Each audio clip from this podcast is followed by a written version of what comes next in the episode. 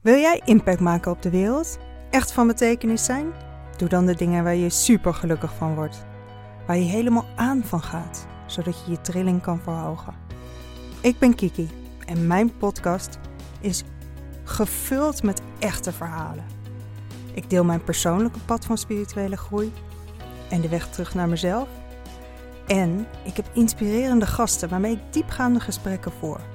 Voor verbinding en inspiratie, zodat we onze rippel kunnen uitbreiden. Wat leuk dat je luistert. Welkom bij een nieuwe episode van mijn podcastshow.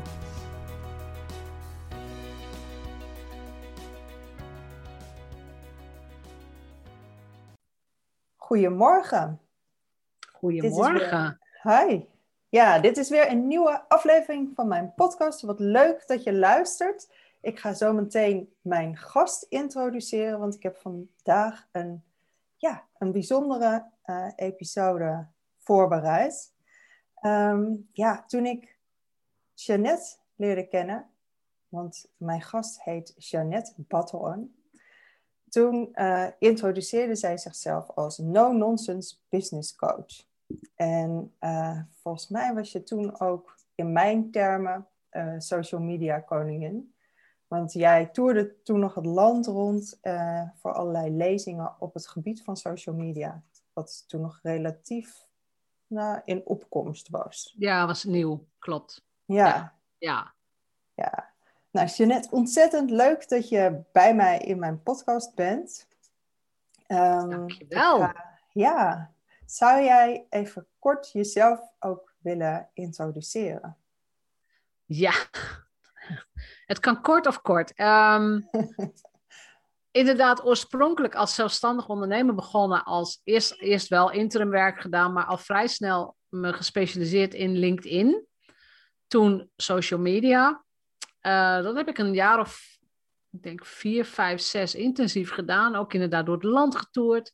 Lezingen, trainingen, workshops. Dat waren ook mijn eerste six-figure jaren, om het zo te zeggen, maar wel met heel hard werken. En ik heb me in de loop van de jaren daarna verdiept in het online ondernemerschap, in verdienmodellen, in ondersteunende mindset, in identiteitscoaching, om dat hele ondernemerschap veel beter te snappen. Ja. En om niet meer voor elk uur te hoeven werken, uh, om wel geld binnen te krijgen. Dus dat hele uurtje factuurtje gedoe, want een lezing geven is ook gewoon een uurtje factuurtje. En daar was ik wel klaar mee op een gegeven moment. Ja. ja. Ja, ja want dit is, uh, is heel leuk voor, voor mijn luisteraar, voor de, ook zeker voor degene die uh, overwegen om een eigen bedrijf uh, op te starten. nou, daar kunnen we zo meteen ook veel dieper induiken. Maar we kwamen er in ons voorgesprek achter dat wij elkaar inmiddels al elf jaar kennen. Bijna mm -hmm. op de kop af. Bijna op de dag af, ja. Ja, ja, want ik heb jou voor het eerst gezien op een Leading Ladies event. Uh, toen uh, was uh, Annemarie van Gaal uitgenodigd als een soort van keynote speaker. En jij was daar ook. En jij was voor mij echt een grote verrassing. Ik vond het ongelooflijk leuk om jouw lezing te horen. En ja, ik zei jou net ook van ik weet eigenlijk niet meer precies waar je over hebt gesproken. Maar ja, het was LinkedIn grappig. of social media. Het, ja. Even, ja, die combinatie. Ja. ja. Ja. en maar je hebt ook een link naar business coaching gelegd. Want ik weet nog wel dat ik toen heb besloten, als ik ooit mijn eigen bedrijf begin, nou, dan, dan ga ik naar Jeanette. Ja. Of in ieder geval, het is blijven hangen. Ja. En uh, ja, het is wel even leuk om uh, aan de luisteraar te vertellen dat, uh, hoe wij elkaar kennen. Want pas jaren later, toen ik um, in een reorganisatie bij het bedrijf zat waar ik toen werkte, en besloot dat ik liever voor mezelf wilde beginnen, was in 2016. Toen heb ik jou weer benaderd. Ja, dat klopt. Ja. ja. En inmiddels uh, ja, zijn we weer jaren verder. Maar jij stond echt aan de wieg van mijn uh, ja, ondernemersavontuur, kan ik wel zeggen. Aan de wieg van mijn bedrijf. Ja, mooi. En uh, ja, ja, en ik ben jou ook ongelooflijk dankbaar voor ja, dat je mij hebt geholpen om dappere en moedige keuzes te maken. Die echt, het echt kiezen voor uh, de, mijn authentieke pad. Ja. Ja, want ik had in het begin had ik best wel een beetje een veilige koers uitgestippeld voor mezelf. En jij hebt meteen gezegd, nee, nee, nee, nee, dit ga jij helemaal niet doen. Daar word jij Kom niet op. gelukkig van. Want dat is Nee. het allerbelangrijkste. Want Ja. dat, dat vind ik ook gewoon duurzaam ondernemen. Eh, elke dag die, die, die sparkle in je ogen te zien van, oh, dit is wat ik echt geweldig vind. Dit is Ja. waar ik goed in ben. En Ja. dan zonder in, de, zonder in die valkuil te vallen van, oh ja, dit is mijn passie. En dan zou ik het gratis moeten doen, doe ik het nog. Nee, je bent eerst ondernemer, maar ik wil wel dat je er elke dag plezier in hebt. Ja, ja, precies. Ja, en ik, kijk, mijn klanten, die, eh, ja, ik, ik vind het allermooiste om ze te verbinden met wat ik noem hun levensenergie. En dat ze ontdekken van, ja, maar hier, dit is waar ik hier voor ben, weet je wel? En Ja. dit is waar ik van aanga. En dan ontdekken ze wat ik zou noemen hun zielsmissie. Ja. Eh, maar het is ook heel mooi. Kijk, ik doe, ik doe absoluut wa- wat ik het allerliefste doe. En ik ben ook aan het ontdekken hoe, ik dat, eh, ja, hoe je dat vorm kan geven. En weer een volgende stap en weer een volgende stap. Maar ik ben het helemaal met je eens. Dat hoef je niet te doen zonder daar geld voor te vragen. Of Nee. eh, daar hoef je niet eh, drie slagen in de ronde voor te werken. Nee. Nee, en dat is ook zo mooi Nee. van, van op je zielspad zijn. eh, dat het allemaal weer wat makkelijker kan gaan. Ja, Wat, makkelijker en, en uiteindelijk, als je de, gewoon de goede stappen volgt, ook veel winstgevender. Ja, ja. Ja, ja want ehm, ja, ik heb eh, destijds bij jou een programma gedaan. Ja. Ik heb me- met jou meer van de wereld gezien dan... Ik heb met jou veel meer gereisd dan met al mijn vriendinnen bij elkaar. Ja, wat hebben we allemaal gedaan? We hebben eh, de transatlantische cruise sowieso gedaan. Ja, dat ik ooit op een cruiseschip zou belanden. Nou, ondenkbaar. Maar jij hebt mij toen overtuigd dat het zoiets bijzonders zou zijn.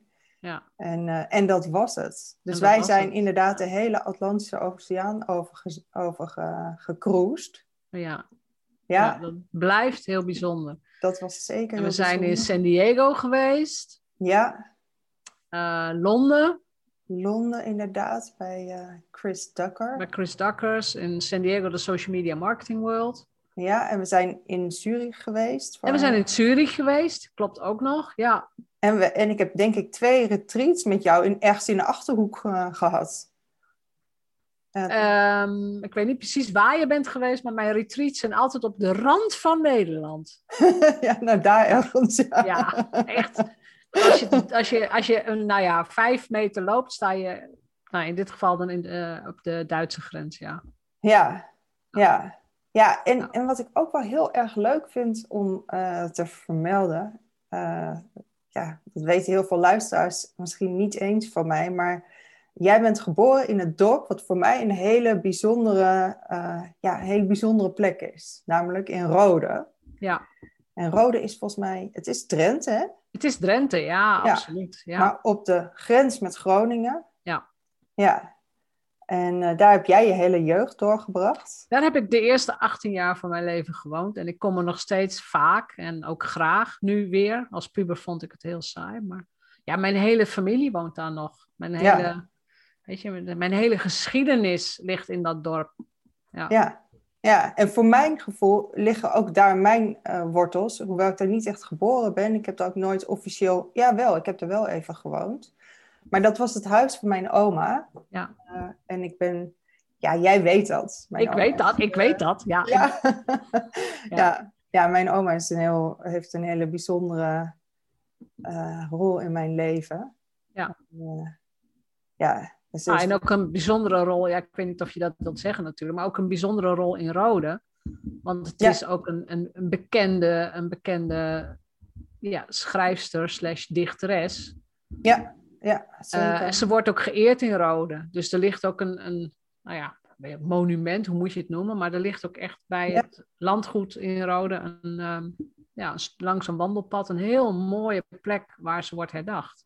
ja, ja, ja, heel bijzonder. Ik wil daar zeker nog wel een keer weer naar terug. Ja, ik Ja. loop er heel vaak langs. Dus als ik daar Oh, ja. binnenkort weer langs loop, maak ik weer een fotootje voor je. En zeg ik, kijk. Ah, Ja. ja, dat vind ik superleuk. Ja, en voor de luisteraar. Mijn oma eh, schreef onder het pseudoniem, moet ik zeggen. Het pseudoniem M. Vazalis. En eh, daar Dus als je benieuwd bent, dan kan je onder M. Vazalis uh, ja, vinden wat zij heeft uitgebracht. Er zijn vier dichtbundels uitgebracht en een aantal andere boeken en wat andere publicaties. Ja, ja, ja en daar ben ik natuurlijk heel trots op. Maar in eerste instantie, eigenlijk het allerbelangrijkste was dat zij voor mij ook echt een rolmodel was.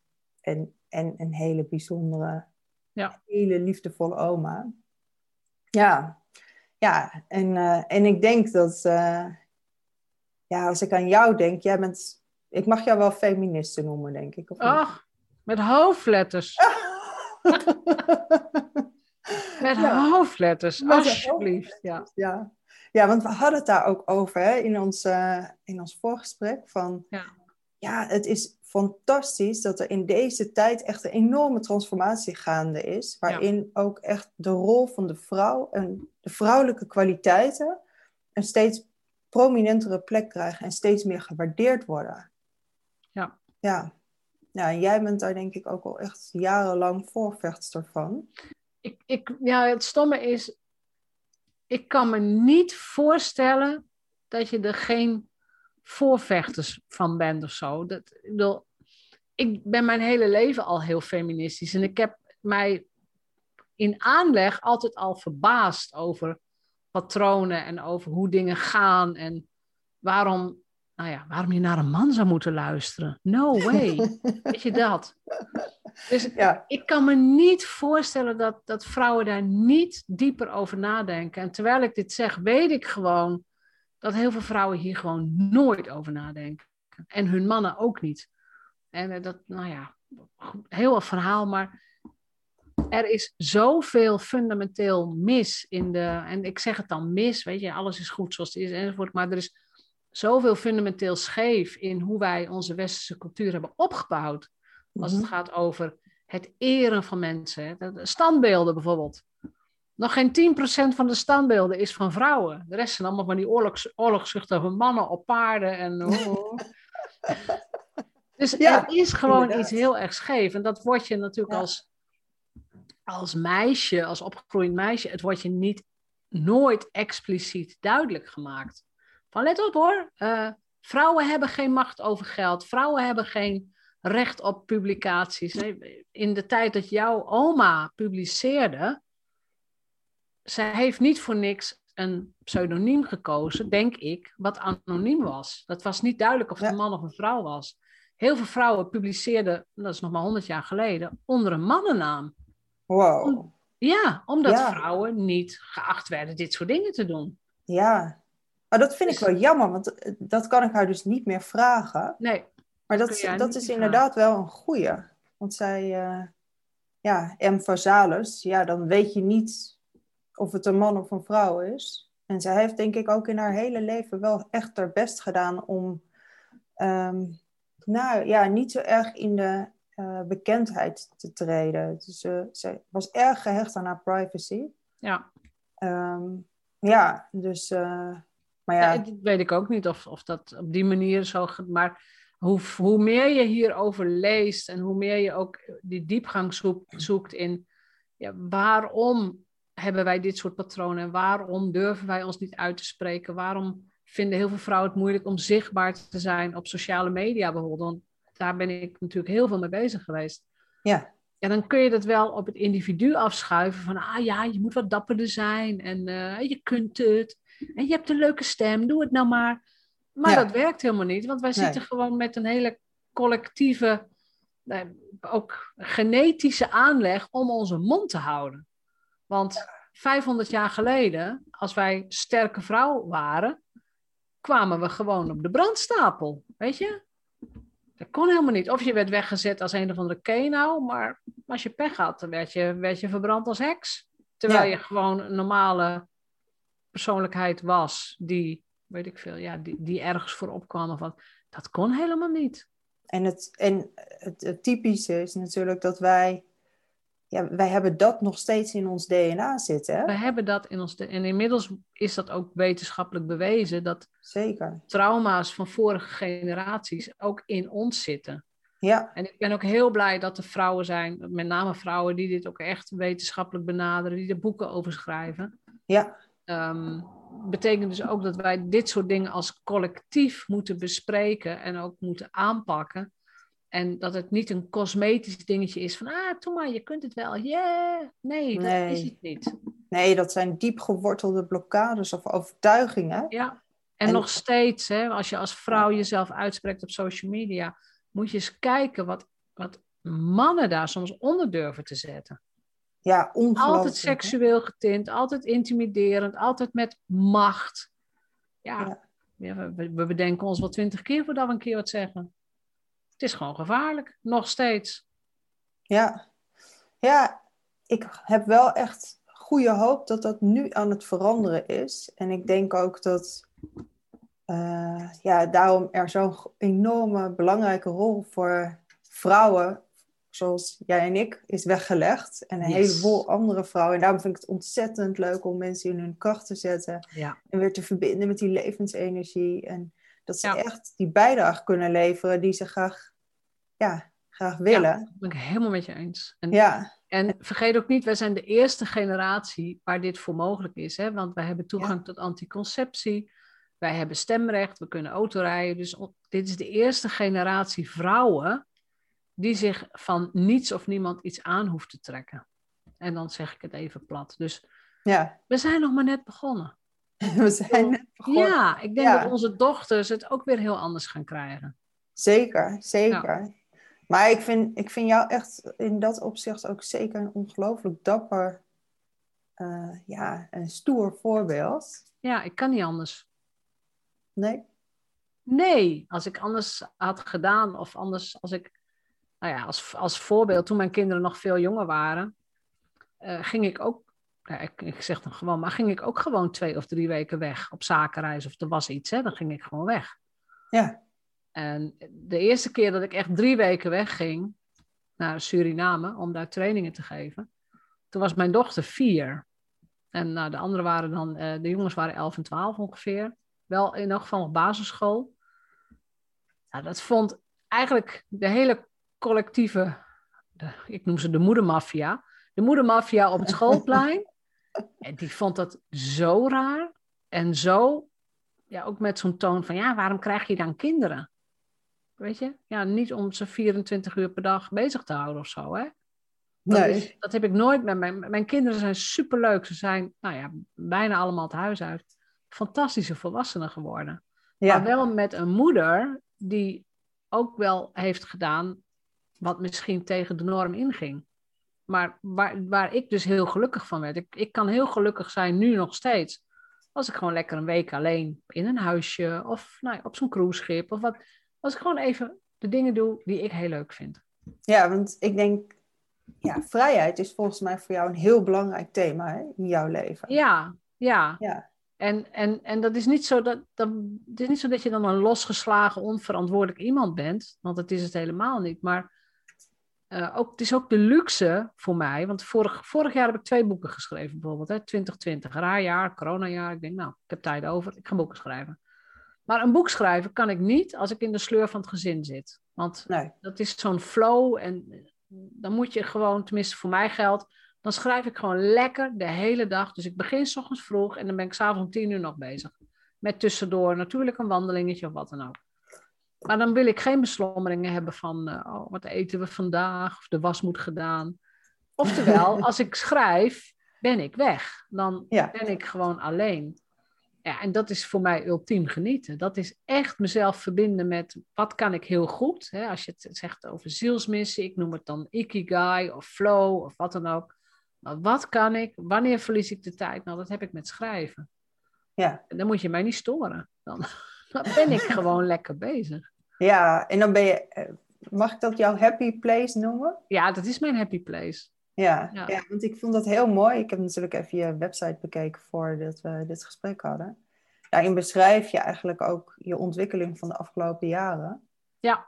ja dat, en dat vind ik wel leuk om zo meteen ook even op in te gaan. Dat, dat je via je grootste ondernemersles eigenlijk ook erachter bent gekomen dat je weer helemaal wil verbinden met jouw happy place. Ja, de grootste en de duurste. Oh ja, die ondernemersles bedoel je? Ja, ja, ja, ja. Ja, ja, de ondernemersles. Dus, Vertel. Dat is in het, Nou ja, ik heb in 2018 besloten, want terugkomend op die transatlantische cruise, dat heb ik in totaal nu zes of zeven keer gedaan, denk ik. Uh, en, dat was voor mij dat ik met jou meeging, was dat de tweede of de, de derde? vierde of de vijfde, denk oh, ik wel. Oh, toch al wel, ja. Ja, of de, nou, weet ik eigenlijk niet eens. Wanneer ging jij mee? Welk jaar? 2017, 2017 toch? Ja. Ja, september 2017 volgens mij. Ja. Ja, in 2018, 2019 heb ik er maar één gedaan. Oh ja. Dus in het jaar dat jij meeging, heb ik er twee gedaan. Maar goed, los daarvan. Oh. Ja. um, die cruise, die transatlantische cruise, was voor mij altijd een hoogtepunt in het jaar. Weet je, dat is twee, tweeënhalf week, de oceaan over, bezinning, reflectie. Dus ik vond dat fantastisch. Ik zat toen in een mastermind groep en toen werd mij ook inderdaad gevraagd: wat is nou het allerleukste onderdeel van je bedrijf? En toen heb ik gezegd: de cruise. Maar ik heb me nooit goed gerealiseerd waarom dat dan mijn hoogtepunt zou zijn. Dus zij zeiden toen: Oh, dan moet je dat gaan uitbouwen. Dus ik heb gezegd: Oh, 2019 ga ik met 100 internationale ondernemers de oceaan over. Dus hè, ik ging en internationaal en ik ging een product aanbieden wat totaal niet mijn zone of genius is. Want ik ben geen reisleider, ik kan dat ook helemaal niet. dat ben ik gaan doen. Ik heb een team ingehuurd, ik heb een fiscalist ingehuurd, ik heb de algemene voorwaarden in het Engels laten vertalen, oftewel heel veel kosten al op de achtergrond. En, in plaats, en ik had alles gecalculeerd op 100 mensen. Nou, in plaats van 100 mensen gingen er uiteindelijk 30 mensen mee. Maar als je nagaat wat voor bizar product het is, is dat al heel goed. Weet je, 30 mensen die zeggen: Ik ga 2,5 week met jou mee de oceaan over. Ja. Uh, het, was, het was ook een, een, weet je, dat is ook best een, een duurdere investering om het zo te zeggen. Het was wel een zakenreis, maar toch. Um, maar uiteindelijk heeft dus die cruise, wat vond ik zo fijn aan die cruise? Het feit dat ik met kleine groepjes ging en mooie één op één gesprekken kon hebben. En tegelijkertijd heel veel tijd voor mezelf kon hebben. Want op zo'n op, bij zo'n overtocht ben ik ook aan het schrijven en aan het denken. En uh, ik ga niet naar de disco, ik drink niet te veel alcohol, daar heb ik helemaal geen zin in. Nee. Ik, wil gewoon lekker, nou ja, op mijn eigen balkonnetje, gewoon lekker bezig Ja. zijn met mijn eigen dingetjes. En dan ben je met 30 mensen op stap en dan kan het helemaal niet. Die verwachten dat je wijn met ze gaat drinken en ze willen met je dineren. En ze willen, nou, heel veel gingen naar feesten en naar de disco en, en, en dansles. Nou, niks voor mij. Dat is ook helemaal niet erg, hè? Maar op het moment dat je dat als een soort verwijt krijgt, ja, je deed nooit met ons mee. Ik zeg, nee, dat is mijn lol dus helemaal niet. Dus die cruise was helemaal niet het leukste uit mijn business. De cruise was voor mij ook bedoeld om op te laden voor mezelf. Met een paar leuke mensen vind ik het fantastisch. Ja, ja. Maar niet die verantwoordelijkheid van eh, wat gaan we doen? Wat is de ex- excursie? Wat moet ik aan? Ja, weet je. En dat is dus zo grappig hè, aan het ondernemerschap. Want ik vind het fantastisch dat, je, dat je het lef had om zoiets groots neer te zetten. En want dat groot dromen, daar, ja, daar ben jij groot voorstander van. Ja, ja absoluut. Ja. En je bent daar ook echt een voorbeeld in. Dat je dus zoiets exclusiefs, zo groots neer kunt zetten en durft te zetten. En dat je dus uit die ervaring eigenlijk erachter komt van... hé, hey, maar dit is helemaal niet mijn ding. Dat is helemaal niet mijn happy place. Nee. Nee, En- dat- weet je, dan ga ik nog liever alleen op cruise. ja, Ja. want toen wij eh, samen gingen, hadden we juist een heel klein gezelschap. Ja, we waren met z'n vijf of met z'n zessen. Ja, Ja. Ja. En, dat was, en die cruise was zoiets bijzonders. Je hebt Ja. mij daar ook echt zo'n ongelooflijk verrijkende ervaring mee gegeven. Maar inderdaad, vooral, want ja, ik had een vooroordeel tegen cruise eh, reizen. Ik dacht, Ja. dat is voor 70-plussers die eh, ja, een beetje over, ja, veel te luxe. En eh, ik vond het allemaal maar helemaal niks. En ik dacht, ja, ik wil avontuurlijk reizen. Ik wil de wereld zien. Maar wat er gebeurde op die oceaan, dat was zoiets ongelooflijk bijzonders. ja. Het is, dat is moeilijk uit te leggen. Dat, dat is heel moeilijk uit te leggen. Maar wat dat eindeloze, uitgestrekte water met je doet. Ja. En die diepte van die zee en dat contact met, ja, ik denk de hemel en, en Ja. ja, eigenlijk de natuur, Ja, de zonsondergang. zonsondergang. Ja, de, de zonsopkomsten, als je vroeg opstaat. Ja, ik heb Dus alle zonsopkomsten gezien. Ja, ik Ja. ook. Ik sta ook altijd vroeg op. Ik vind het zo mooi. Ja, Ja. ja. en, en dan s'avonds dat je eigenlijk naar die sterrenhemel kijkt. En Ja. het bewegende water. Het is iets heel bijzonders. En dat Ja. je dan inderdaad je even terug kan trekken in je eigen hut. Om ook Ja. je eigen processen door te maken. Ja. En op, op bepaalde momenten dat je juist elkaar wel even opzoekt om... Ja, heel, gewoon mooie gesprekken hebben zonder dat er meteen druk op ligt. En eh, dat, Ja. dat is echt heel fijn. Ja. Ja. Maar ook heel mooi dat je dat dus eigenlijk hebt ervaren en daarna hebt ingezien. Oké, nou dit was eigenlijk een hele grote les. Dat was een hele grote en een hele dure Een les. hele dure les. Ja, Maar jij bent niet bij de pakken neergezet. Nee, dat is dan- daarna weer geturnd. precies. Dat is wel het mooie sowieso ook. Want ik zat ook al in een business coaching groep bij eh, Jim Fortin, eh, een van mijn eh, business coaches op dit moment. Ja, Ehm, ik kwam in december 2019 terug, was net voor de coronatoestand. De corona was toen al in China bekend, maar we hadden er nog geen last van.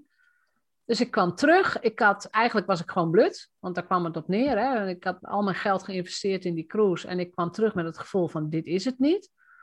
Eh, en in dat geval kun je echt maar één ding doen en dat raad ik ook iedereen aan. Ga terug, volledig terug naar je joy, plezier, naar je happy place. En leef vanuit het vertrouwen elke dag weer. Het is goed, of het was goed, het is goed, het zal goed zijn. En als het om geld gaat, het geld klotst tegen de plinten omhoog. Die visualisatie van, ik ga nu iets doen wat ik heel erg leuk vind. En ik ga een product aanbieden wat helemaal bij mij past. Waar ik al mijn skills in kwijt kan. ja. Dus ik ben eerst heel erg gaan produceren. Dus ik ben gaan schrijven. Ik heb twee boeken geschreven in eh, 2020. ongelooflijk. Ja. Heerlijk, heerlijk. Ja, lekker. Ja. En geloof je er dan ook in dat het als het ware, dat je het, ja, hoe ga ik dat noemen? Dat je het aan het downloaden bent? Ja, een boek is een download. Ja, ik noem Ja, het hè? flow. Ja. Ja, flow, Ja. ja. Ik, ik denk altijd van die inspiratie komt door je heen. En het enige wat je hoeft te doen is het op te schrijven. Nou, daarom moet ik ook rust als ik schrijf. Daarom kun je die afleidingen niet hebben. Nee. Maar ik kan teksten van mezelf lezen. Dan weet ik, weet ik rationeel, die heb ik geschreven. Ik weet nog waar ik zat, hè. Maar als ik het lees, dan denk ik, heb ik dat geschreven? Oh ja. Ja, Ja. Het kan niet anders, want het staat er. Maar, Ja. maar dat, dat is voor mij echt flow. En dat is een hele fijne manier om te werken. En ik weet dat andere mensen noemen dat een divine download. Ik vind het allemaal best. Maakt me niet uit hoe je het noemt. Maar Nou, die staat van werken is fantastisch. Ja. Ja, die is heel fantastisch. En hoe kom jij in die staat? ja, door inderdaad iets te doen waarbij je echt de tijd verliest. En heel vaak moet je teruggaan naar je jeugd. Dus wat deed jij als, als jong meisje in dit geval? Ik was vroeger altijd aan het lezen. Dus met lezen kan ik echt de tijd verliezen, nog steeds. Ja. Eh, en ik heb al vanaf vrij jonge leeftijd penvriendinnen gehad. Penvrienden. Eh, vroeger Oh, bestond wat inter- leuk. ja, Dat- internet bestond nog niet, hè? Nee. Dus vanaf mijn dertiende eh, schreef ik heel veel brieven met mensen over de hele wereld. Dus in het begin nog in het Nederlands. Met, mijn eerste penvriendin was eh, Patty uit België. Hm. Dus we konden Nederlands met elkaar schrijven. En we schreven voornamelijk over paarden en over Rod Stewart. Want nou ja, zij hield van paarden en ik ook. En zij was fan van Rod Stewart en ik ook. Nou, Heel schattig allemaal. Maar toen ik op een gegeven moment eh, eh, Engels en Duits ging beheersen, ben ik ook internationaal gaan schrijven met mensen. Dus schrijven en die interesse in andere mensen, ja, dat zit er gewoon ontzettend in. Het is, het is een soort social media avant la lettre geweest. Want er waren Ja. ook allemaal clubjes en verbanden. En je had van die friendship books. En nou ja, hele systemen. Ja. Ja. Ik Ja. had op het hoogtepunt denk ik 40, 50, 60 penvrienden. Zo. Echt, ja. En ze, maar ze schrijven niet elke dag, hè, dus het is niet zo. Maar ik wou, ik, op zondag was dan mijn schrij- schrijfdag. Nou, ik wou niet dat er een zondag was dat ik geen brief te schrijven had. Dus ik moest veel penvrienden. Ja, dat veel, dat is ook wel een thema. Ja, ik hou van, eh, ja. ja. Veel. En bold, taking bold action. Mhm. Ja, ja. Oh, maar wat grappig. En voor de, voor de eh, jonge luisteraar onder ons, dat ging natuurlijk allemaal op papier. En Papier en post. post. Ja. Ja, en af en toe stuurde je een foto aan elkaar mee, of een cadeautje, of een cassettebandje, hebben we ook Ja. wel gedaan. Oh ja, Om cassettebandje. elkaar stem te horen. En eh, ja, Oh, wat leuk. Ja. gewoon audio messages, ja, maar dan op Ja. een cassettebandje. Maar het mooie is dat ik nog steeds contact heb met penvrienden, niet met allemaal natuurlijk hoor, maar met een paar penvrienden heb ik nog steeds echt heel intensief contact. En Ja. zijn ook echt vriend, vriendinnen geworden, ja. ja, dus jullie hebben toen al de basis gelegd, wat eh, al een hele lange vriendschap is geworden. Ja, Ja. Ja, een van mijn dierbaarste is, eh, is eh, ze heet Suzanne, Suzy, uit, eh, uit Hamburg, uit Duitsland. En die, Oh we bellen nog en ik probeer ook nog steeds, nou ja, het lukt niet helemaal, maar ik probeer één keer per jaar naar Hamburg te gaan en het andere jaar komt ze weer hier. En ja, dat, is, dat, dat gaat gewoon gelijk op, ook in het leven, weet je, even oud, kinderen krijgen, paardrijden. Ja. Ja, ja, wat dat betreft, je bent heel goed in eh, het doen waar je blij van wordt. Dat, eh, Ja, ik denk dat meer mensen dat zouden moeten doen. Dus ga terug naar, ook naar je kindjaren. Ja. Wat deed je? Wat vond je echt leuk? Nou, ga dat dan alsjeblieft doen, weet je? ja, en vaak denken we dat, dat dat dan niet meer kan, maar ja, dat Het zijn andere meer- vormen misschien, maar Precies. ja. Ja. ja, en om nog even terug te komen op dat vertrouwen. Want dus je Ja. zegt, eh, ja, eh, dan, als het dan eigenlijk, je bent op een punt dat je denkt van wow, oké, eh, dit is een, een soort van keerpunt in mijn leven. Ja. Ehm, nou, even, misschien niet helemaal waar, maar geen geld meer op je bank. Een businessmodel wat eigenlijk niet toekomstbestendig is. En je bent even helemaal niet blij. Nee, Hoe blijf Nee. je in, of hoe verbind jij je dan weer met dat vertrouwen? dat is eigenlijk helemaal niet zo moeilijk. Nee? Want het is, nee, dat is gewoon een besluit. Want op het moment dat ik terugkwam, had ik al, een beetje, had ik al die onvrede met dat, met dat model van de cruise. Nou, Ja. toen kwam natuurlijk de, de, de pandemie. Nou, voor mij was het een zegen. Want alles, het is eigenlijk het cadeautje van alles staat op nul. Je kunt weer helemaal op nul beginnen. Dus ik had wel weer een cruise in de planning, maar ik heb meteen gebeld. Dus ik zeg, jongens, ik zeg alles af. En toen viel er ook een soort gewicht van mijn schouders. Toen dacht ik, waarom doe ik dit dan? Dus ik ga dit niet meer doen, klaar. Ehm, live events kon allemaal niet. Dus ik had ook weer een live event in de planning. Heb ik ook gelijk afgezegd.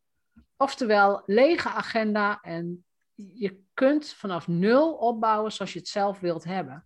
ja, Dus ik ben inderdaad gaan produceren. Dus ik heb niet alleen twee boeken geschreven. Ik heb in die periode ook 100 podcasts in 100 dagen gemaakt. Dus ik ben gaan praten, ben gaan interviewen, ben kennis gaan delen. Met inderdaad maar één doel: van ik deel mijn kennis, ik deel mijn waarden. En, ik En heb je netwerk. alle- en mijn netwerk ook. Eh, Ja. Inderdaad, mensen met elkaar verbinden. Ehm, maar ik heb er alle vertrouwen in dat dit gewoon helemaal goed komt. Of goed is, moet je dan eigenlijk zeggen. Het is goed. En ik ben toen heel langzaam weer begonnen met ehm, het vullen van, nou, ik, waar jij ook in zat, het vullen van groepen. Maar dan veel meer met de nadruk op mastermind in plaats van echt educatie. Dus Mhm. niet zozeer, niet dat ik een teacher ben. Dat kan ik wel zijn, ben ik ook lang geweest, maar dat wil ik niet meer zijn. Maar meer de coach slash mentor. En, en van de mastermind ben ik dan de facilitator. Dus het is een iets andere benaming, iets andere vorm. Maar ik heb gekozen voor, hè, het was, alles was online. Eh, we gaan elke week bij elkaar komen. We praten over de dingen die ons dwars zitten. En elke week gaan we stapjes maken. En ik heb heel veel geleerd van al die groepen die ik al begeleid heb. Dus ik heb Ja. nu accountability verslagen. Ik heb accountability momenten. Mijn team houdt dingen in de gaten. Dus ik wist, dit systeem werkt. Nou, Ja. en, dan, en dan is het dus inderdaad... Ik heb geen grote lanceringen gedaan. Ik heb heel low profile mijn groepen gevuld. En dan komt het gewoon goed. Dan is Ja. het, het, het, het is gewoon, omdat je zo dicht bij je eigen expertise zit. En zo dicht bij, waar ben ik echt goed in? En ik heb wel heel veel dingen overboord gegooid. Ik hoef ook niet meer beleefd te zijn in mijn, in mijn eigen groepen. In de zin van, ik hoef niet bang te zijn dat ik mensen kwets. Als ze iets nodig hebben, dan zeg ik het gewoon. En soms met een kleine introductie. Of van ja, je vindt het niet leuk dat ik dit ga zeggen, maar ik zeg het wel. Uh, en dan moeten ze soms even slikken. Um, we juichen, tenminste ik juich als iemand moet huilen. Dat klinkt heel raar, maar op het moment dat iemand gaat huilen van eh, een soort frustratie, wanhoop en echt een, een, een soort bodem bereikt, dan zeg ik, dan gaat de vlag uit. Want dan komt de transformatie. Ja, en dat is zo'n zo prachtig moment van ontlading. Ja, het moet. Ja, dat moet inderdaad. Het moet. Dat Gewoon lekker blaren, doe maar. Ja. ja, en inderdaad, dat, dat kan tot een hele mooie uh, transformatie leiden natuurlijk. Als je altijd maar stoer doet van nee, het gaat goed, het gaat goed. Ja, dat werkt niet. Als het nou niet goed gaat. Nee, maar dat zijn we, we hebben natuurlijk zoveel van die automatische mechanismes. Ja. Ja, alles alleen willen doen is ook zo eentje. Absoluut, heel herkenbaar denk ik voor heel veel vrouwen. Ja. ja. En ook geen hulp durven vragen. Hè. Daar zit dan ook echt een... Maar ik denk dat dat toch... Ja, want ik zit nog even na te denken over dat, wat je zei over dat vertrouwen. Want het is heel mooi hè, dat je dus weer zo heel organisch dat eigenlijk hebt opgebouwd. Ja. Maar ik kan me ook voorstellen, kijk, want jij bent al jaren bezig als ondernemer. Ja. Inmiddels, je hebt heel veel groepen eh, gedraaid, heel veel mensen gecoacht. Ehm, heel veel lezingen gegeven. Dus je hebt al heel veel opgebouwd. Ja. Ik kan me voorstellen ehm, dat als je een beetje aan het begin van zo'n journey staat. Ehm, en dan is vertrouwen misschien nog wel het aller, allerbelangrijkste. Ja. Want dan komt het neer op vertrouwen omdat je het nog niet hebt gemanifesteerd in de buitenwereld. Ja, dat klopt. En vertrouwen is, is is echt een van de belangrijkste dingen. Dus het is niet, het is niet alleen het vertrouwen in het universum, om het zo te zeggen. Uh, het, de, het universum wil altijd meewerken. Maar het is vooral het, het ultieme vertrouwen in jezelf.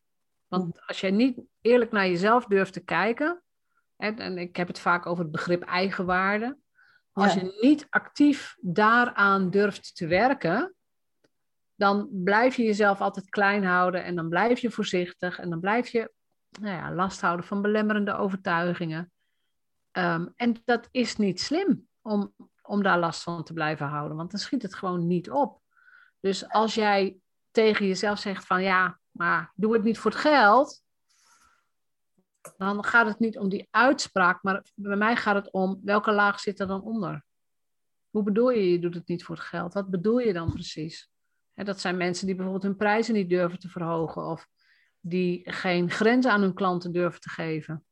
Of die klanten niet durven te ontslaan. Hè? Want die, soms hebben mensen rotklanten. Ja. Ja. Zeg gewoon dat je niet meer met die klant wil samenwerken. dus een van de gevleugelde zinnen in mijn groepen is: dient dit mij? Oh, dus ja. dient, dient deze gedachte mij? Dient deze klant mij? Dient nou, deze samenwerking mij?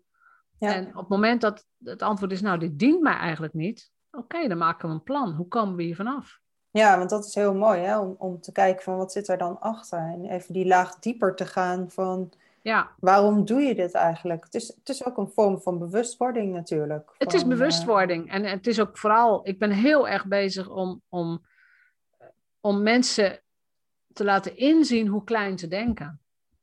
Oh ja. En hoe vaak ze een verdienmodel kiezen wat sowieso fundamenteel al gericht is op, nou ja, sappelen, net niet genoeg geld hebben. Maar dat zit heel vaak al in het verdienmodel opgesloten. Ja. Dan, kun je, dan kun je al berekenen, ook al zit je helemaal vol, ook al gaat het als een tierenlier. En je hebt nog steeds maar 50.000 euro.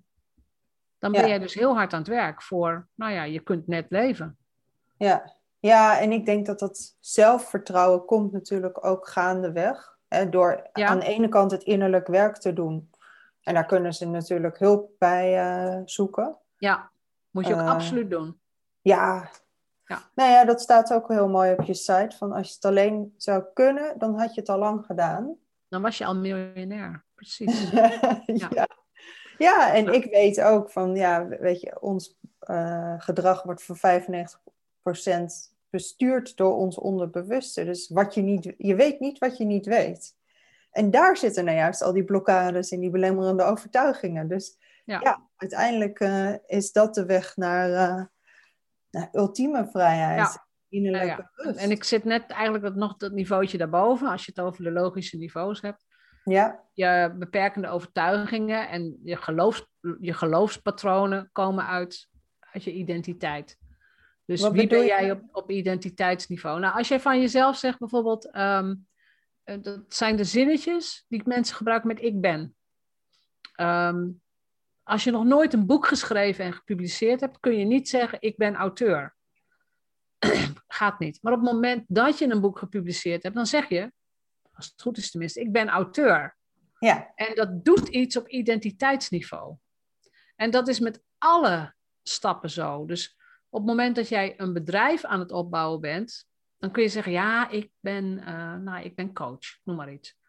Uh, en, en die hebben dan, eh, dan doe ik het, het is even denigreren, niet, trek je er niks van aan, niks persoonlijks, maar die kiezen dan voor een verdienmodel dat ze uurtje, factuurtje in een praktijk zitten en dan moeten ze ook de factuur nog met de hand schrijven. Nou, dat is gedoemd tot sappelen. Want, maar ik, ja, ik ben coach en nou ja, dat, ik, ik ben nog niet zo ervaren. Dat zijn dat soort zinnen. Maar op het moment dat je zegt, ik ben de CEO van mijn eigen business en ook van mezelf en van mijn instituut of hoe je het wil noemen, ik ben de CEO en ik ga als CEO beslissing, beslissingen nemen en kijken naar strategische samenwerkingen, kijken naar, naar, naar, marges, naar hoe zit mijn verdienmodel in elkaar, hou ik er genoeg van over, dus hoeveel uren gaan erin, hoeveel komt dan terug. Dat soort eenvoudige calculeringen, of calculaties, Mhm. die maken mensen heel vaak niet eens. Dus op het moment nee, dat jij... omdat je denkt, ja, ja, nee, ja, heel mooi. Maak je zin Ja. maar af. Ja. Nou ja, als je die shift niet maakt, dan blijf je op identiteitsniveau dat dat wat jij zegt, dat je bent. Mhm. Dus ik, ah ja, ik, ik ben nog niet zo ver. Of ik ben. Probeer die zinnen maar te veranderen naar een niveautje wat jou gaat uitdagen. Ja, Het moet Ja. schuren, dat zeg ik ook heel vaak. Het moet schuren, het moet oncomfortabel. En dat hoeft niet maximaal te schuren, je hoeft niet in doodsangst te vervallen. Maar elk stapje buiten je comfortzone is schuurwerk. Altijd. Ja. ja. Maar ja, ja. Dan, en daarna is, is ook de overwinning zo mooi, hè? Van dat daarna wordt het normaal. ja, Ja. maar ik kan dit en ik zet die volgende stap. Ja, ja. En, en dan worden dingen normaal. Dus dingen die ik heel normaal vind, daar kijken andere mensen naar van ja, maar ja, voor jou is het gemakkelijk. Ja, maar ik heb ook een eerste keer gehad dat ik het moest doen. En dat ik in mijn eentje naar Amerika vloog voor een congres van drie dagen. Nou, dat was als, als Drents meisje, hè, want ik kom met Rode. Als Drents meisje was het ondenkbaar dat ik in mijn eentje in een vliegtuig naar San Diego zou vliegen voor een congres van drie dagen. Dat was gewoon ondenkbaar. Dat concept bestond niet. Want wij gingen niet naar Amerika. Weet je, mijn, mijn ouders zijn geen reizigers of, of die houden niet eens van reizen. Nee joh, Maar nee, nee. dus naar Amerika gaan, als je dat doet, dan is dat gewoon once in a lifetime. En dan ga je voor sparen en dan maak je een plan en dan ga je vier weken, want het is heel ver. Maar nu denk ik, ja, ik wil gewoon naar dat congres, dus ik stap in het vliegtuig. Alsof het een bus is. Ja, Maar dat kan alleen maar als je jezelf die ervaringen gaat gunnen. Ja, oh, daar heb je ook een heel mooi thema. Want dat heeft natuurlijk alles te maken met eigenwaarde, maar ook met zelfliefde. Hè? Zet Ja. ik mezelf op de eerste plek? Durf ik te, te kiezen voor wat mij gelukkig maakt? Ja, ondanks al je angsten. Ondanks al je angsten. Ja, Ja. ja. en wat ik dus ook, wat, wat, en dat is iets wat ik gaandeweg heb ingezien. Van ja, het is heel bijzonder, maar als je dus eigenlijk eh, nog al die belemmerende overtuigingen hebt en die blokkades, dan is het heel moeilijk om te bepalen, maar waar droom ik dan echt van? Hè? En waar verlang ik naar? Dat is net alsof die deur gewoon potdicht zit. Ja. En eh, daarom werk ik altijd eerst inderdaad aan de eerste stapjes en kijk van kunnen we die, een aantal van die blokkades er eh, diepgaand ontwortelen. En dan ontstaat er gewoon weer meteen een ongelooflijk nieuw perspectief. Ja. En eigenlijk als ik jou goed beluister, dan zeg jij ook van stap gewoon eens in een andere rol. Dan kijk je vanuit een compleet ander perspectief naar jezelf, naar je leven, naar je bedrijf als je dat hebt. Naar de keuzes die je maakt. Dat is ja, heel bekrachtigend. die je hebt. Ja, gewoonte, gewoontes zijn ook onderschat. De meeste mensen staan daar helemaal niet bij stil. Maar hoe laat sta je elke dag op? Hoeveel uur heb je gestructureerd voor je business? Hoe laat ga je naar bed? Hoeveel alcohol drink je? Ik noem maar wat, hè? Hoeveel Ja. sport je? Gewoon gewoontes. Met Ja. wie ga je om? Wie inspireren jou? ja, Nou, Ja, absoluut. Maar dat is natuurlijk ook het moeilijkste om te veranderen. hè? Die, die patronen en gedrag. Ja, want dat zit er zo ingesleten en dat kost tijd. Ja, maar als je denkt, en dat weet je ook, als jij denkt het is moeilijk om te veranderen, dan is het moeilijk. Maar als Ja, je denkt, absoluut. het is eigenlijk heel makkelijk om te veranderen, dat denk ik. Eh, het is namelijk het terugbakken van 100% verantwoordelijkheid. Ik ben verantwoordelijk Zeker. voor mijn levensgeluk. En nou heb ik echt niet alles in de hand, dat weet ik ook wel. Maar er zijn dingen, als ik ze kan veranderen, dan verander ik ze. En soms moet ik ervoor sparen. Hè. Soms kosten dingen geld, hè. een huis verbouwen of wat dan ook. Dan moet je ervoor sparen. Maar als ik het wil veranderen, moet ik het doen. Ja, Nou. ja mooi. En het woordje zelfliefde, wat jij zei, dat moet echt in, in, in hoofdletters op de muur staan. Als je niet vanuit die positie van zelfliefde kunt werken en leven, dan blijft het één grote strijd. Dan blijft het steeds ah, twijfel. Heb ik het goed gedaan? Wat vinden ze van me? Ah, zie ik er wel leuk uit? Zit mijn haar wel goed? Who cares, weet je? ja. Als jij vindt dat je iets goed doet, dan is het goed. Ja, ja, nee, maar dat is natuurlijk, kijk, jij bent daar zo'n, je, je hebt daar een soort van expertise van gemaakt om zo ongelooflijk jezelf te zijn. Ja, Eh, en eh, je daar ook niet voor te verontschuldigen. Dat vind ik ook een hele mooie. ja. En Ja. ik denk dat ik van nature eh, me ook niet zo heel veel aantrek van mensen. En dat kan ik, ik bedoel, ik, dat kan ik ook weer verklaren vanuit mijn oma's. Ehm, eh, twee hele krachtige vrouwen. Die niet Hm. meer leven natuurlijk, eh, maar goed. Ik had één oma die zich ook gewoon niet zo heel veel aantrok van wat andere mensen van haar vonden. Die, die, die, die was bijvoorbeeld in staat, gewoon een heel klein voorbeeldje. Eh dan ging ze naar de Albert Heijn in, in de stad in Groningen. Dus ze woonde op het platteland in Groningen, ging ze fietsend eh, naar de stad. Om, ze- want ze kwam één keer in de week bij mij op bezoek, of ik er nou was of niet. Ze kwam bij mij. Dan ging ze mijn ramen lappen en dan zette ze eten neer en een bloemetje op tafel. Nou, allemaal heel schattig. Maar dan ging ze naar de Albert Heijn en ik ben een keer mee geweest. En zette ze haar fiets in het halletje naast de karretjes. Ik zeg, wat doe je nou? Wat doe je nou? Je moet het in de fiets. Nee, zegt ze. Ik zet mijn fiets hier en dan staat hij beter. Het interesseerde haar niks. Ja, en zolang niemand van de Albert Heijn daar iets van zei, stond die fiets gewoon vooraan. Want dan kon ze vanuit het karretje de boodschappen mooi in de fietstassen doen. En dan gingen ze weer weg. Ja, dat is iets met je ruimte innemen. Hè? Ja, echt. Gewoon echt. doen. En of ze het nou niet door had, ik, ik weet het niet. Volgens mij had ze het ook wel door, maar het interesseerde haar gewoon niet. Nee. Nee, als niemand Ongelooflijk. zeurt, nou ja, dan staat mijn fiets gewoon hier. Staat toch niet in de weg? Ja, Ja, Dus ik ik, zou het niet durven. nou, ik zou het niet bedenken. Ik denk, Nee, dat dat misschien. fietsenstalling. Ja, ja, nee, inderdaad. Ja. ja. Ja. Maar En- ja, ik, ik denk ook dat zit ook wel een soort aangeboren component in. En ook in, in, in, in zeg maar, als je kijkt naar de vrouwenlijn. ehm, ja, ik heb meer vrouwen in mijn familie die gewoon dingen hebben gedaan en keuzes hebben gemaakt die misschien voor hun generatie best wel eh, apart waren. Een van, Ja. mijn, een van mijn jongste tantes, ja, inmiddels ook al met pensioen hoor, maar was een van de eerste vrouwelijke politieagenten in Amsterdam bijvoorbeeld. Wauw. En daar was mijn oma heel trots op. Dus als je het hebt over feministische lijnen, ja, dat Ja. zit er diep in. Dus, Ja. Dus dat, dat, maar er is nooit over gesproken. Het is nooit uitgesproken. Er is nooit Nee, maar dat is dus eigenlijk ook niet discussie nodig. Dat is niet nodig. Nee. Ik denk dat je als je, je neemt dat vanzelf over. Ja, En, en dus ook via, hè, via het familiesysteem. En, ja, Maar ja. ook, ik denk dat zoals wij eh, het leven voorleven voor onze kinderen, dat dat veel bepalender is dan Ja. wat we zeggen.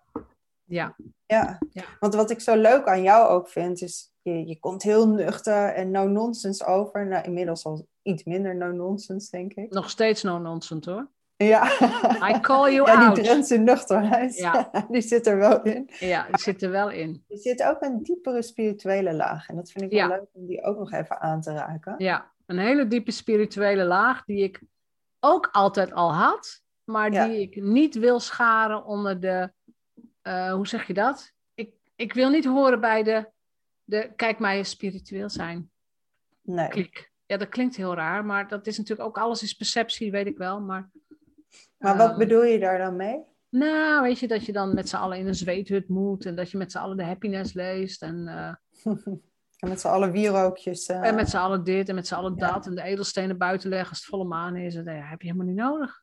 Het is best leuk hoor, maar heb je helemaal niet nodig. En wat is spiritualiteit voor jou dan? Het, het jezelf steeds verbinden met, niet alleen met jezelf, maar met een soort, nou ja, inmiddels kan ik daar woorden aan geven, dat energieveld om je heen. Oh ja. dat, dat er inderdaad dus dingen zijn die wij niet kunnen verklaren, nog niet kunnen verklaren. Het wordt steeds beter met de quantum, ehm, quantum physics enzovoort. Het wordt steeds beter verklaard. Mhm. Maar er zijn dingen die we allemaal meemaken, maar die we niet toeschrijven aan spiritualiteit. Maar ik heb het zelfs aan mijn moeder uitgelegd. Ik zeg, weet je, het gebeurt dat jij lekker op je stoel zit en ineens denk je aan iemand. Dus hé, de energie in het kwantumveld gaat ineens naar die persoon toe. En binnen vijf minuten gaat de telefoon en wie belt er? Die persoon. Ja. Ik zeg, dat is kwantumfysica. Ja. Want wie had jou voorspeld dat die persoon zou bellen en toch had je al bedacht dat die persoon zou bellen? Ja, zegt mijn moeder, dat heb ik heel vaak. Ik zeg, zie je wel, jij bent ook afgestemd op het veld. Dus op die manier snapt mijn moeder dat ook.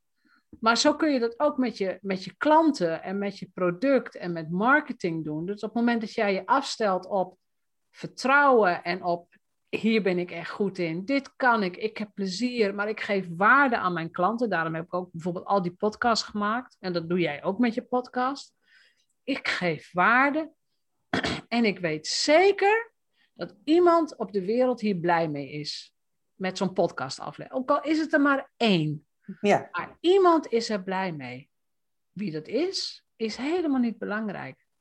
Je, Ja. geeft, je geeft met dat open hart, je geeft dat gewoon. Maar dat zijn, dat is voor mij, ja, hoe zeg je dat? Nuchtere spiritualiteit of zo? Ik weet niet wat het is. Nou, ik denk dat het, als ik het zou mogen benoemen, dan is spiritualiteit dus voor jou niet iets van eh, ja, uiterlijke eh, verschijningsdingetjes. Een beetje, ja, wat, zie ons allemaal spiritueel zijn, hè, met eh, bepaalde kleding aan of saliebranden of met edelstenen.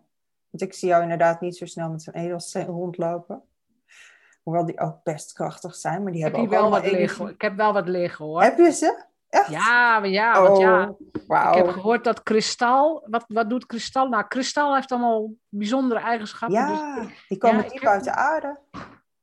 Oh, kijk. Nou, jullie kunnen het niet zien, maar ze gaat gewoon letterlijk... Oh, kijk. Dat is wel een mooie kristal. klein, een klein kristalletje. Ja, ik denk, Maar ja, ik wil natuurlijk ook niet het risico lopen dat het universum mij overslaat. Hè? Dus eh, toch nog een kleine angst voor schaarste. ja, dus ehm, ja, een kristalletje heb ik wel. Maar nee, dat, dat vind ik ook ja. zo leuk aan jou, want het is, eh, het is gewoon op een dieper, een diepere laag is het gewoon heel erg aanwezig.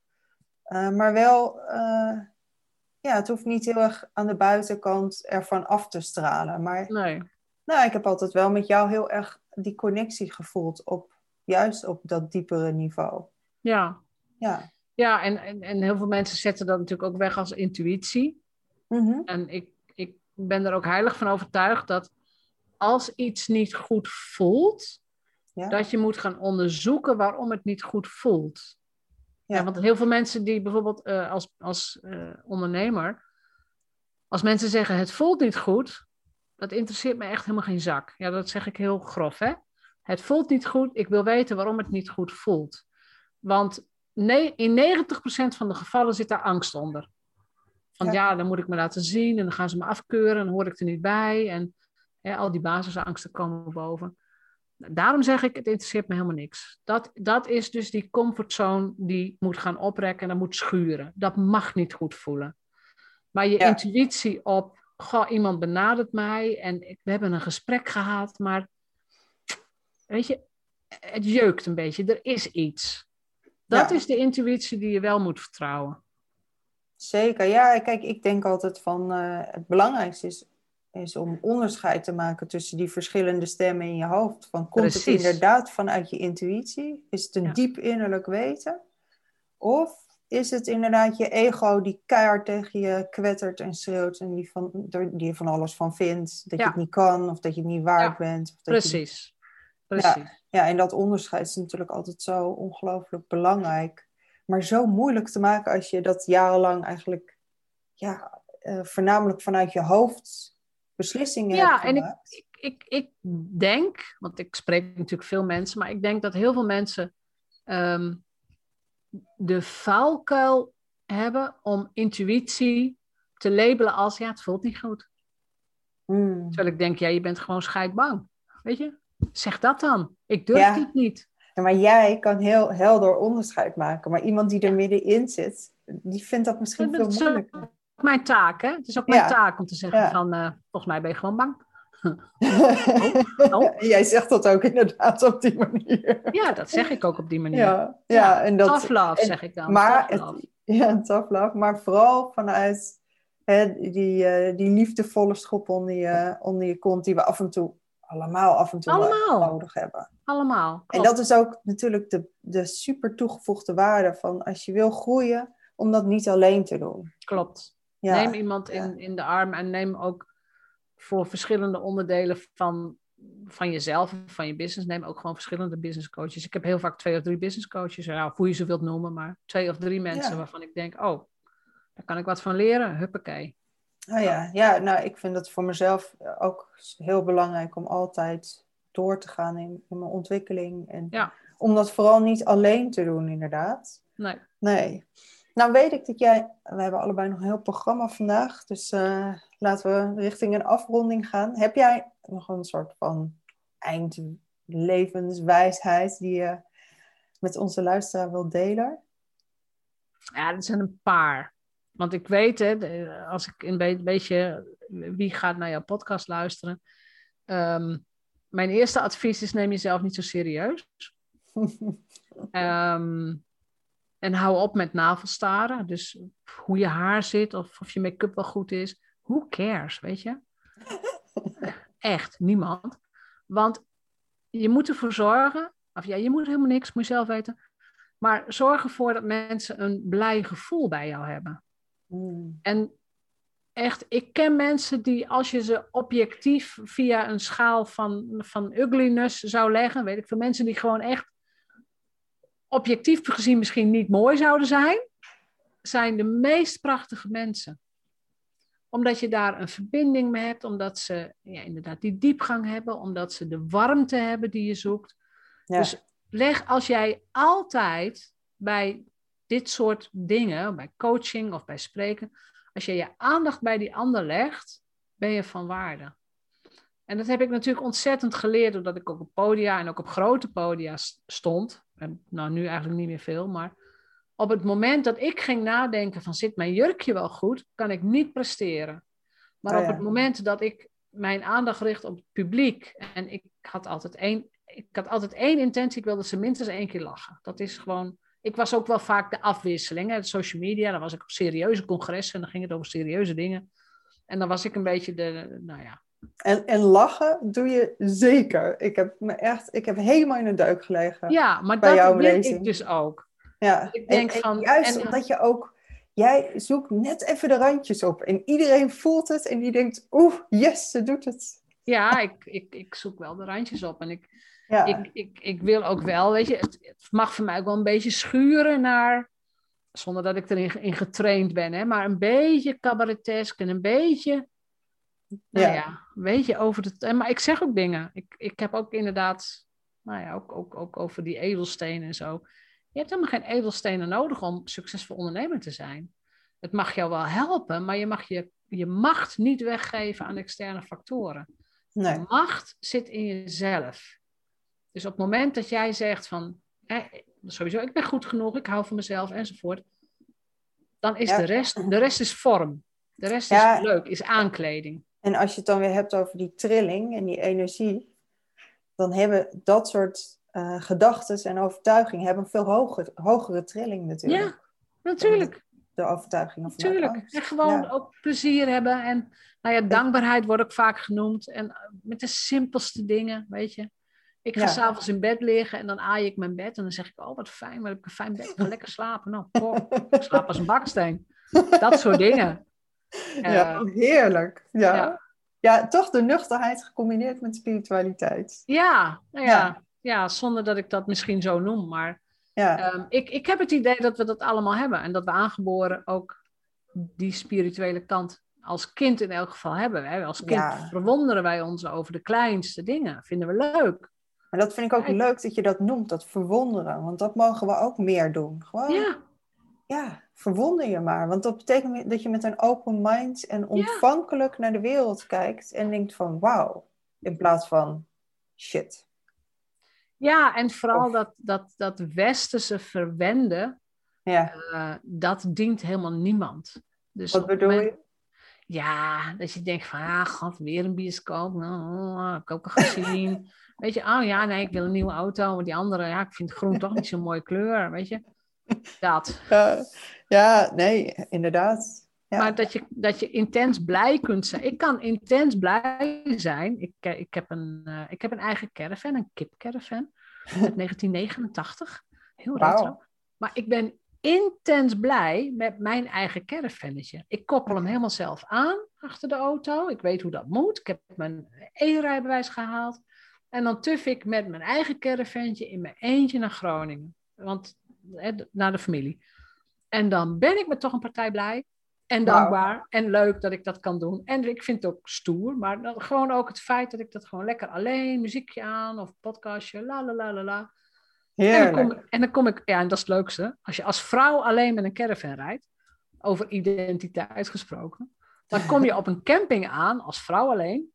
Uh, en dat is een paar keer gebeurd. En dan voor de mensen die kamperen, um, als je op zo'n veldje komt, dan zitten daar allemaal van die omroep Max mensen op zo'n stoeltje. Hè?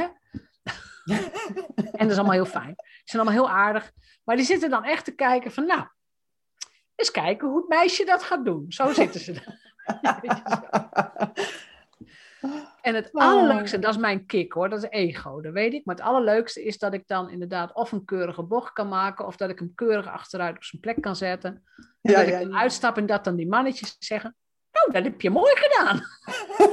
dat vind ik zo leuk. Maar als het me niet oh. lukt, dan, ben ik ook, dan moet ik ook hard lachen, want het gebeurt ook vaak dat het niet lukt. Dan stap ik uit, en dan kijk ik die mannetjes aan en zeg ik, het lukt me niet alleen, wilt u mij even helpen? Nou, met z'n allen, binnen vijf minuten staat het ding op zijn plek, hè? Hoef ik niks meer te doen. Geweldig, hè? dus dat, maar dat soort kleine dingen, dan denk ik van ja, weet je, kijk met jezelf naar plezier. Ga niet denken, zoals met die caravan. Ja, zie je wel. Oh, als ze kijken allemaal, dat lukt me niet. Oh. Ja. Lach om jezelf. Neem jezelf niet zo serieus. Ja. Door, Je hoeft niet wereldkampioenschap caravan inparkeren te worden. Je moet gewoon zorgen dat je van het mooie weer geniet. Ja. Nou ja, en dan, dan, dan, dan, maar dat doe je met, moet je met alles doen. Als je eerste lancering niet lukt, uh, ik wil niet zeggen lach erom. Natuurlijk moet je het analyseren, maar heb plezier in het spelletje. Ja. Oké, hoe gaat het dan wel lukken? Wat kan ik dan wel doen? En wat is er wel gelukt? En wie is wel dankbaar? Wie heeft wel een berichtje naar mij gestuurd dat ze blij is? Ja, precies. Dat, ook. Hè? Dat moet je hebben. Ja, ja, ja. En jij uh, noemde aan het begin van ons gesprek, voordat we de podcast starten, zei, noemde een hele mooie uitspraak van een shamaan. Vind ik ook zo, daar zit zoveel wijsheid in, in die oude bij die oude Indianen. Ja. Maar jij weet wel welke uitspraak ik bedoel, hè? Everything that happens to me is a blessing. Ja. A blessing. A blessing. Het is niet alleen ergens goed voor, wat we dan in Nederland zeggen. Ah, het zal wel ergens goed voor zijn. Of uh, ja, nee, die les moet ik nog leren. Nee. It's a blessing. Dus pak het mooiste eruit. Ja. Het is fantastisch dat dit met je gebeurt. Een meltdown, geweldig. Een mislukte lancering, fantastisch. ja, ja, En soms, soms dan is het pad even heel hobbelig en heel uh, ja. uitdagend. Maar ook daar zitten weer paaltjes achter verscholen. Ja. En Jeanette, jij bent ook absoluut een blessing voor mij. Oh, thank you. Ja. Jij ook voor mij. Ja. Jij, jij zult altijd dat speciale plekje ja, hebben. en houden. Ja, ja. En ik vond het super leuk om je weer even te spreken. En ook op deze manier, om dat eigenlijk met de luisteraar, met de wereld te kunnen delen. Ja. Dus ik eh, wil je heel erg bedanken. Graag gedaan. Ja, en eh, we gaan weer leuke dingen doen vandaag en genieten van het mooie weer. Zeker. Ja. Ja. En voor de luisteraar, dank je wel dat je weer hebt geluisterd naar mijn podcast. Ik ben natuurlijk altijd benieuwd eh, naar jullie reacties. Dus ehm, ik hoor graag wat je ervan vindt en wat je eraan hebt gehad. En ik wens je natuurlijk een hele fijne dag of avond. Ik weet niet wanneer je deze podcast luistert. Heel graag tot de volgende aflevering. Dag allemaal.